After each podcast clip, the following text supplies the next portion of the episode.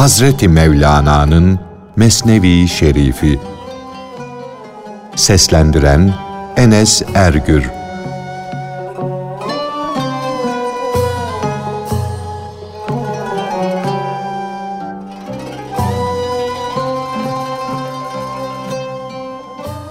Şeyh Dakuki ve Kerametleri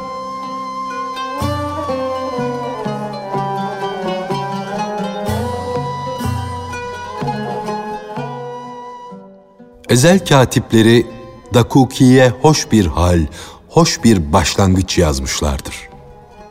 Çünkü o hem hak aşığı idi hem de keramet sahibi kamil bir insan idi. Yeryüzünde yaşıyordu ama sanki o gökteki ay gibi idi. Nefislerinin karanlık gecelerinde yürüyenlerin gönülleri onun nuru ile aydınlanırdı. Bir yerde az otururdu. Bir köyde iki günden fazla kalmazdı. Bir evde iki gün kalırsam derdi, oranın sevgisi gönlümde alevlenir. Eve barka aldanmaktan, onlara bağlanıp kalmaktan çekinirim de, hadi ey nefsim derim, kar elde etmek için yola düş. İmtihanda başarı elde etmek için gönlümü hiçbir yere alıştırmam, hiçbir yere takılıp kalmam. Şeyh Dakuki gündüzleri yolculukla geçirirdi. Geceleri de namaz kılardı. Kalp gözü doğan kuşu gibi padişaha karşı açıktı. O kötü huylu oldukları için değil de kendisini tamamıyla hakka vermek için halkla ilişkisini kesmişti. Erkeklerden de kadınlardan da ayrılmıştı. Bu ayrılış da ikilik yüzünden yani halkı ve hakkı ayrı ayrı gördüğünden değildi. Halka şefkat gösterirdi. Onlara su gibi yararlıydı. Suçlulara hoş bir şefaatçiydi. Duası da Allah tarafından kabul edilirdi. İyiyi de kötüyü de esirgerdi. İnsanlara anadan da babadan da daha şefkatliydi bunca takvası ile, bunca evradı ile, bunca ibadeti ile yine de Allah'ın has kullarını arardı, onları görmeye giderdi. Zaten seyahatlerinin asıl maksadı da bu idi. Bir an bile olsun bir Allah adamı ile buluşmak ve onunla konuşmak arzusundaydı. Yolda giderken durmadan şu niyazda bulunurdu. Ya Rabbi, sen beni has kullarınla buluştur. Onlarla dost et. Ya Rabbi, ben gönlümün tanıdığı o has kullarının kuluyum, kölesiyim. Ey canımın canı, canımın Allah'ı, tanımadıklarımı da benim gibi perde arkasında kalmış kuluna merhametli kıl. Cenabı Hak da ona derdi ki, Ey büyük veli, bu ne aşktır, bu ne hararettir, bu ne kanılmaz susuzluktur. Beni seviyorsun, benim sevgime kavuşmuşsun. Başka ne arıyorsun? Ne istiyorsun? Allah seninle beraberken insanı ne diye arzu ediyorsun? Dakuki dedi ki, Ey sırları bilen Rabbim! Gönlüme yalvarış, niyaz kapısını sen açtın. Ben sırlar denizinin ortasında oturmuştum ama testinin suyundan da yani ilahi sırlara aşina olan büyük velilerin himmetinden de ümidimi kesmemiştim. Ben Davut peygamber gibiyim. 90 koyunum var. Öyleyken arkadaşımın bir koyununa da tamah ediyorum. Allah'ım senin aşkındaki hırs iftihar edilecek, övünülecek bir mertebedir. Senden başkasının aşkına düşüp haris olmaksa noksanlıktır, ayıptır. Allah rahmet eylesin, Dakuki demişti ki, doğu ile batı arasında yani ruhani alemle maddi alem arasında nice yıllar yolculuk ettim. Allah'ın aşkı ile aylarca, yıllarca yolculuk ettim. Geçtiğim yollardan haberim bile yoktu. Hakkın yarattıklarına, kudretine, sanatına hayran olarak nice yerler dolaştım, durdum. Biri ona, yalın ayak, dikenlere, taşlara basarak gidiyorsun, dedi. Dakuki, ben gördüklerime hayran olmuşum. Kendimde değilim, şaşırmışım, kalmışım diye cevap verdi. Sen yere basan, dikenler ve taşlar üzerinde yürüyen bu ayakları görme. Çünkü aşık gerçekten de gönül yurdunda sefer eder. Sanki gönüle basar da yürür. Gönül yolu, menzili, konak yerini, yolun kısalığını ve uzunluğunu ne bilir? Çünkü o ruhu okşayan, ona ihsanlarda, lütuflarda bulunan hakkın mesti olmuştur. Uzunluk, kısalık bedenin sıfatlarıdır. Ruhların seyri, gidişi ise bedeninkine benzemez.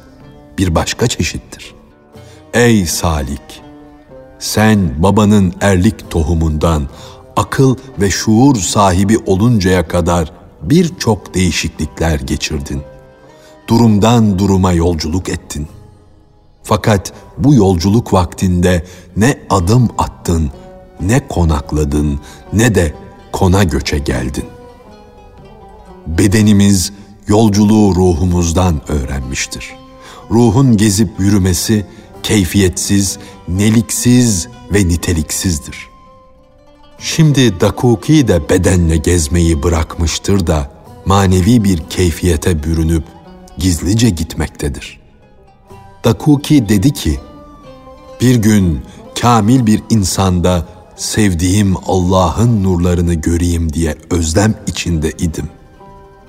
Ben bir damlada denizi, bir zerreye sığan güneşi görmek istedim.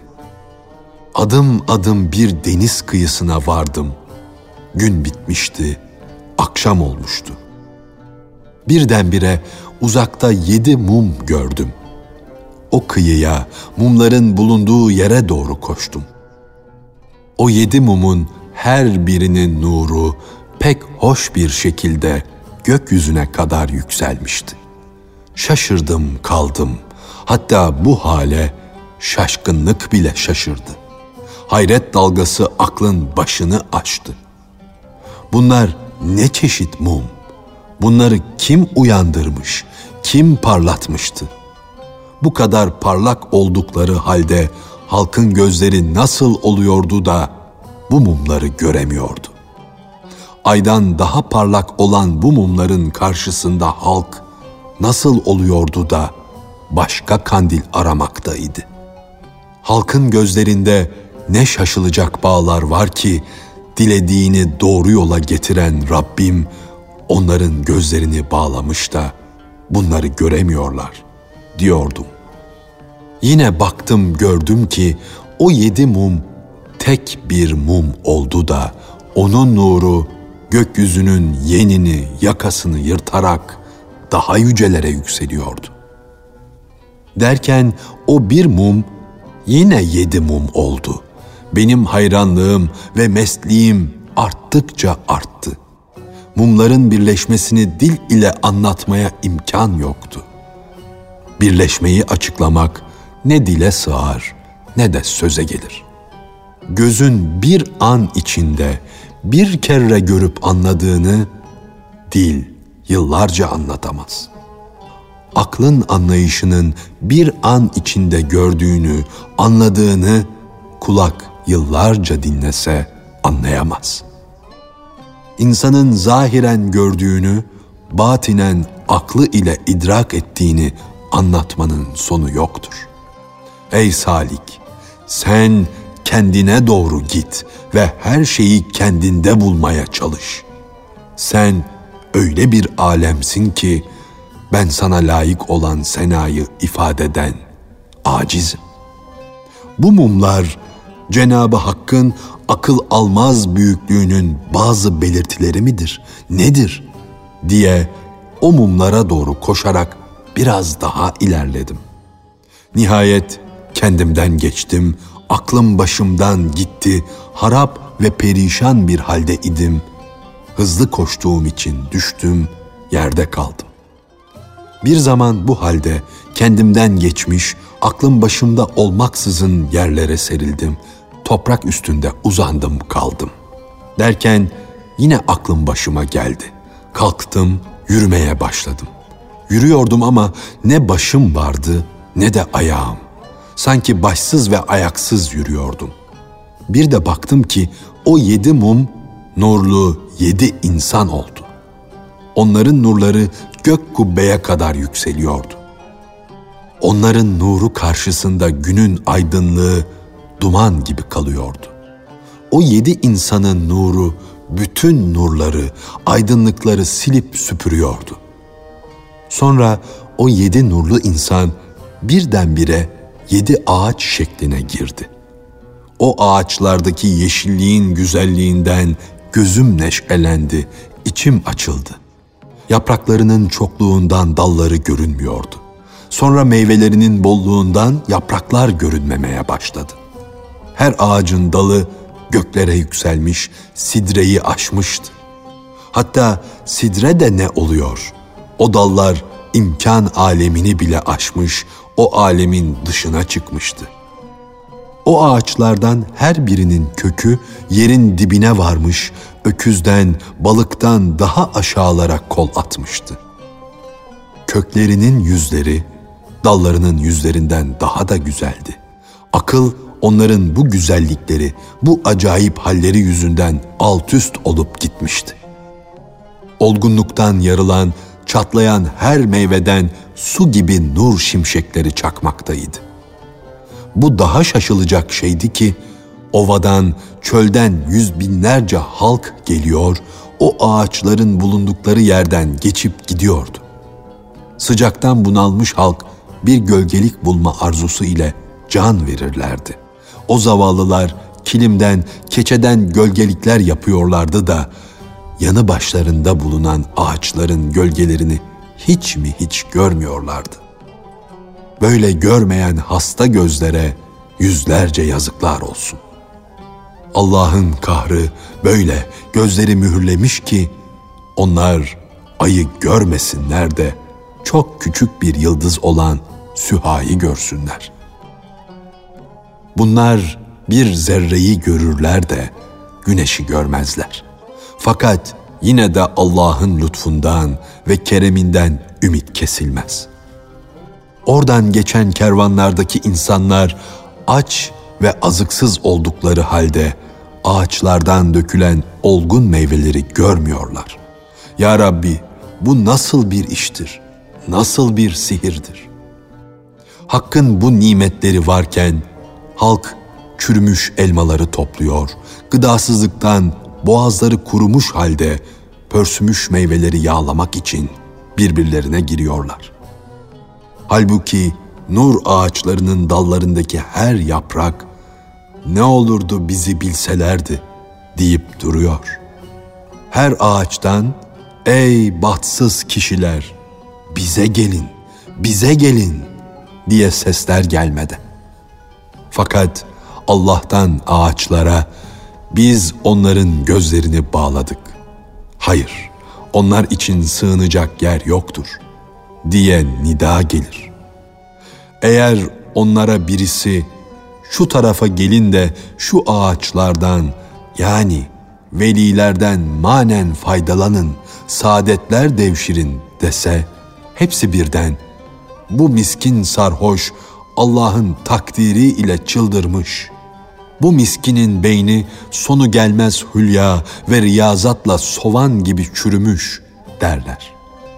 Halkı velilere çağıran kişi de şaşırıp diyor ki, Ya Rabbi bu hal nedir? Halkın gözlerindeki bu perde nedir?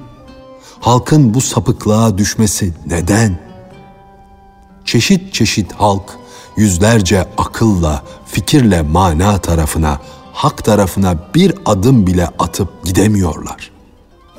Halkın akıllı ve zeki geçinenleri de hep birden böyle güzel bir bağı, nur ağaçlarının salındığı bu eşsiz bahçeyi görmez olmuşlar da inkar ediyorlar.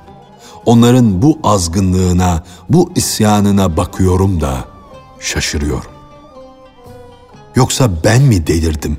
Ben mi şaşırdım? Şeytan başıma bir şey mi vurdu? Her an gözlerimi ovuşturuyorum da hayale mi kapıldım, rüya mı görüyorum diyorum. Fakat bu nasıl rüya olur ki? Ben ağaçların yanına gidiyorum ve onların meyvelerinden yiyorum. Buna nasıl inanmayayım? Sonra yine inkar edenlere bakıyorum. Bu mana bahçesinden, bu ruhani bağdan haberleri yok. Halbuki o inkarcıların hepsi de yoksulluk ve ihtiyaç içinde kıvranıyorlar. Onlar yarım koruk içinde can verecek derecede fakir oldukları halde bir ağaç yaprağının özlemi ve hırsı ile derin derin ah edip dururlarken bu halkın milyonlarcası o ağaçlardan ve o meyvelerden kaçıyorlar. Tekrar ediyorum. Acaba ben kendimde değil miyim? Acaba ben bir hayal dalına mı tutunmuşum? Peygamberler kötü kişilerin birlikte yalanlamalarına baktılar da peygamber oldukları halde onların bile içlerine bir şüphe, bir zan düştü. Şüpheden sonra onlara bizim yardımımız geldi. Sen de halkı inkar edenleri terk et de can ağacına çık. Yani velilere yaklaş. Can ağacının meyvelerinden ye. Kimin nasibi ise, kime müsaade edilmişse ona da ver deniyordu. Böylece her an ona bu çeşit sihirler öğretiliyordu. Hiçbir şeyi duyamayan, anlayamayan halk ise tuhaf şey, bu davet sesleri sizden geliyor diyorlardı. Çünkü ovada ne ağaç var ne meyve. Bir kara sevdaya tutulmuş abdalların sözlerinden bıktık, usandık. Yakınınızda bağ, bahçe var sizler için sofralar yayılmış diyorlar. Hani nerede sofralar? Gözlerimizi ovuyoruz da bakıyoruz ki burada bağ, bahçe yok. Yakıp kavuran kuru bir çöl yahut da zor, sarp bir yol. Şaşılacak şu ki bu kadar uzun dedikodu nasıl olur da asılsız olur? Peki bağ, bahçe varsa nerede? Ben de o inkar edenler gibi daima bu görüntüler, bu haller şaşılacak şey diyordum. Allah'ın sanatı neden bu çeşit bir mühür vurdu? Ne diye gözlerini görmez etti? Ey Dakuki! Hızlı yürü git. Fakat kendine gel de sus. Etrafında duyup anlayan kulak kıtlığı varken ne vakte kadar söylenip duracaksın? Dakuki dedi ki, bahtım yüzüme güldü. Daha ileri vardım. O yedi ağacın hepsinin de bir ağaç olduğunu gördüm. Her an bir ağaç yedi ağaç olmakta, sonra yedi ağaç tekrar bir ağaç haline gelmekteydi. Bu durumda şaşkınlıktan ne hale geldim ben de bilmiyorum. Sonra o ağaçların namaz kıldıklarını gördüm. Onlar cemaat gibi saf olmuşlar, namaza durmuşlardı. Bir ağaç imam gibi öne geçmişti. Öbürleri onun arkasında kıyam halinde idiler.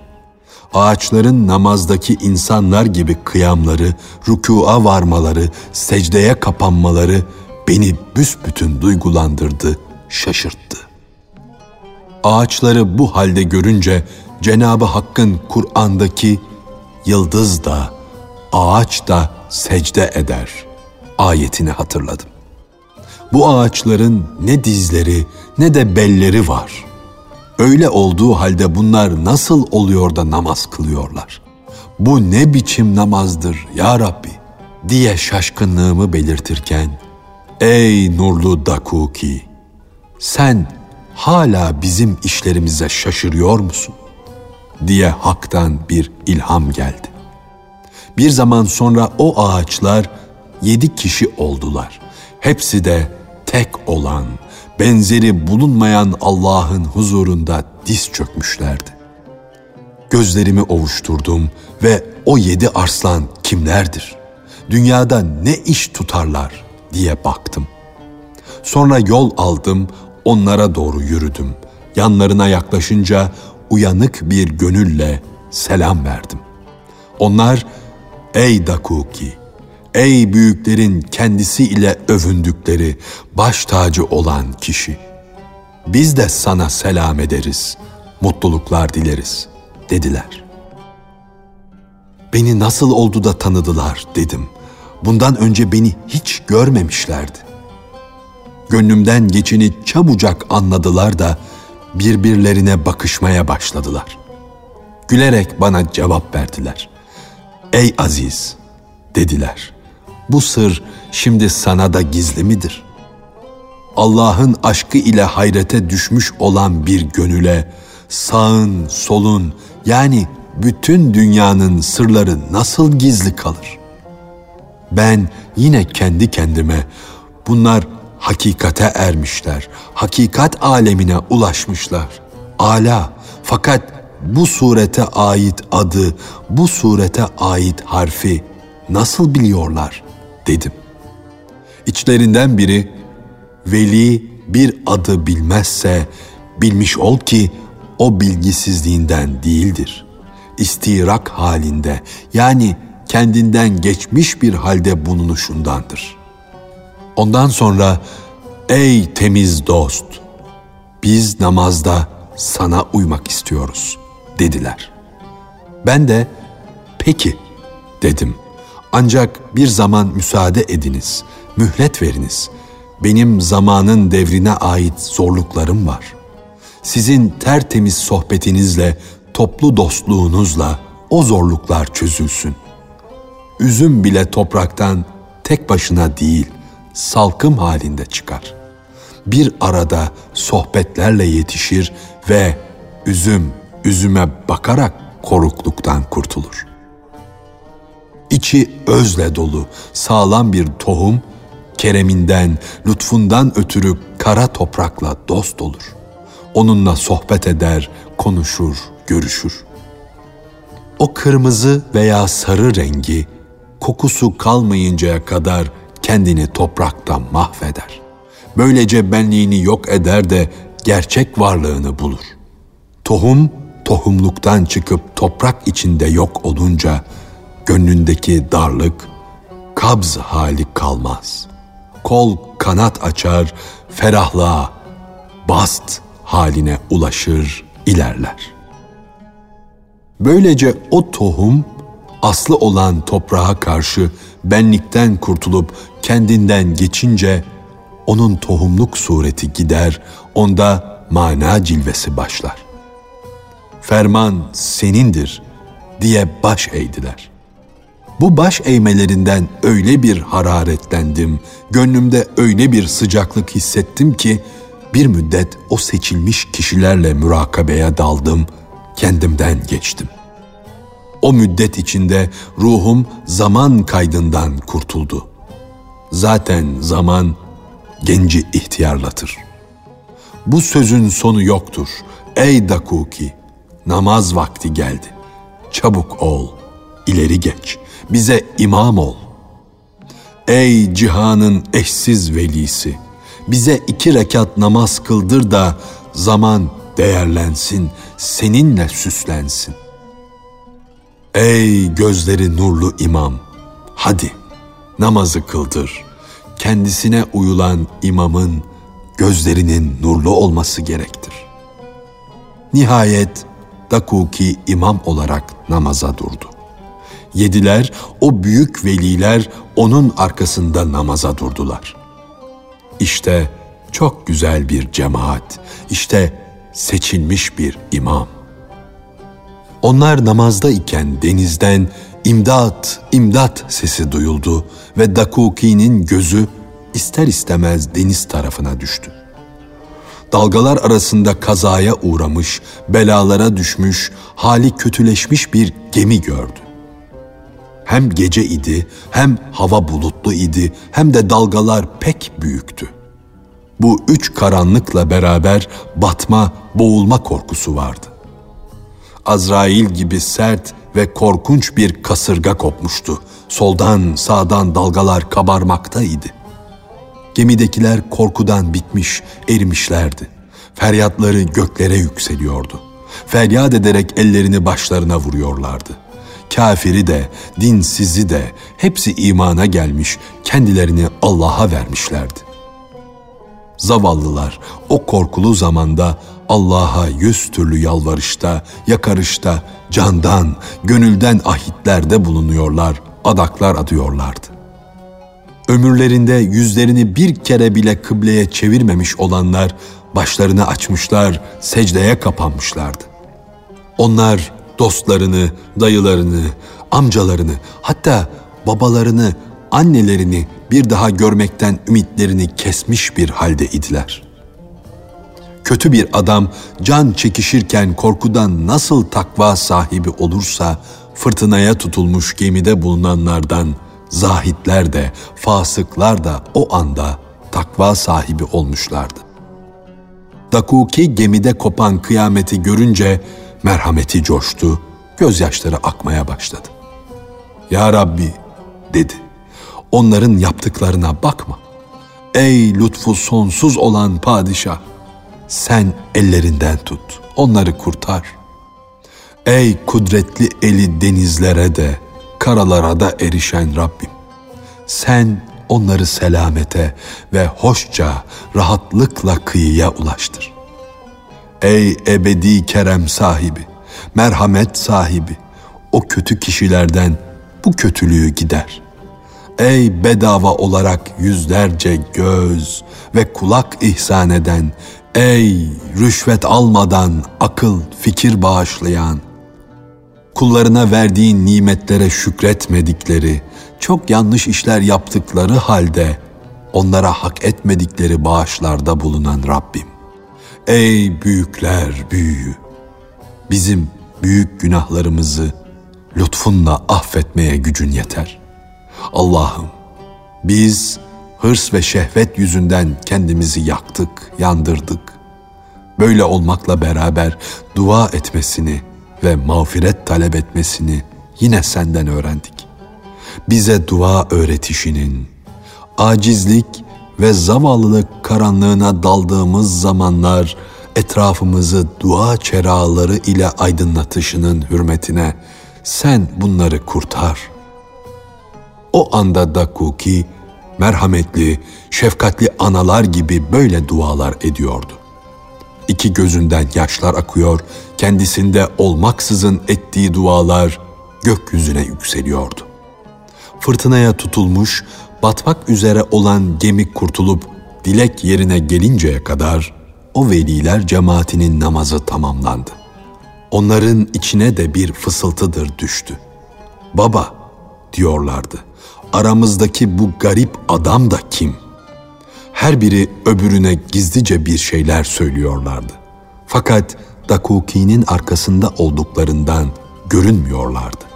Her biri böyle bir duayı ne gönlümden geçirdim ne de dilimle söyledim diyordu. Birisi galiba imamımız derde düştü ve böyle lüzumsuz bir duada bulundu diyorlardı. Öbürü de ey dostlar dedi. Bana da öyle geliyor, öyle görünüyor. Gevezenin birisi de onun gönlü daraldı da o yüzden Allah'ın kazasına, iradesine itiraz etti dedi.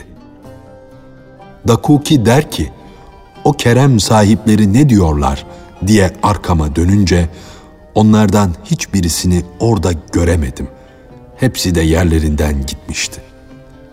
Ne solda bir adam var, ne sağda, ne yukarıda bir kimse var, ne aşağıda. Benim keskin gözüm onların hiçbirini göremedi. Onlar sanki birer inci idiler de eridiler, su oldular.'' ovada da ne bir ayak izi vardı ne de bir toz yükseliyordu. Bir anda onların hepsi de Allah'ın kubbelerine gizlenmişlerdi. Acaba onlar hangi bahçeye gitmişlerdi? Cenab-ı Hak bu insanları benim gözümden nasıl gizledi diye şaşırdım kaldım. Balıkların derine dalıp görünmedikleri gibi onlar da Dakuki'nin gözünden öyle gaip oldular, gizlenip gittiler. Dakuki yıllarca onların özlemini çekti. Ömür boyunca onların sevgisi ile gözyaşı döktü. Ey Dakuki! Dere gibi yaş döken gözlerinle onları ara. Aklını başına al. Onları görmekten ümidini kesme. Aklını başına al, onları ara ki aramak devletin, saadetin direğidir. Gönlündeki uyanıklık, huzur, manevi zevkler aradığına olan bağlılıktan, sevgiden ileri gelir. Bütün dünya işlerinden vazgeç. Dünyalık sevgisini gönlünden at da o üveyik kuşu gibi canla, başla, ku ku, nerede, nerede diye gerçek sevgiliyi ara. Ey gaflet perdesi ile gözü kapanmış kişi! Şu ayete iyi bak. Cenab-ı Hak bana dua ediniz ki kabul edeyim diye buyurdu. Kimin gönlü illetlerden yani hastalıklardan temizlenmiş ise onun duası celal sahibi Allah'ın huzuruna kadar gider.''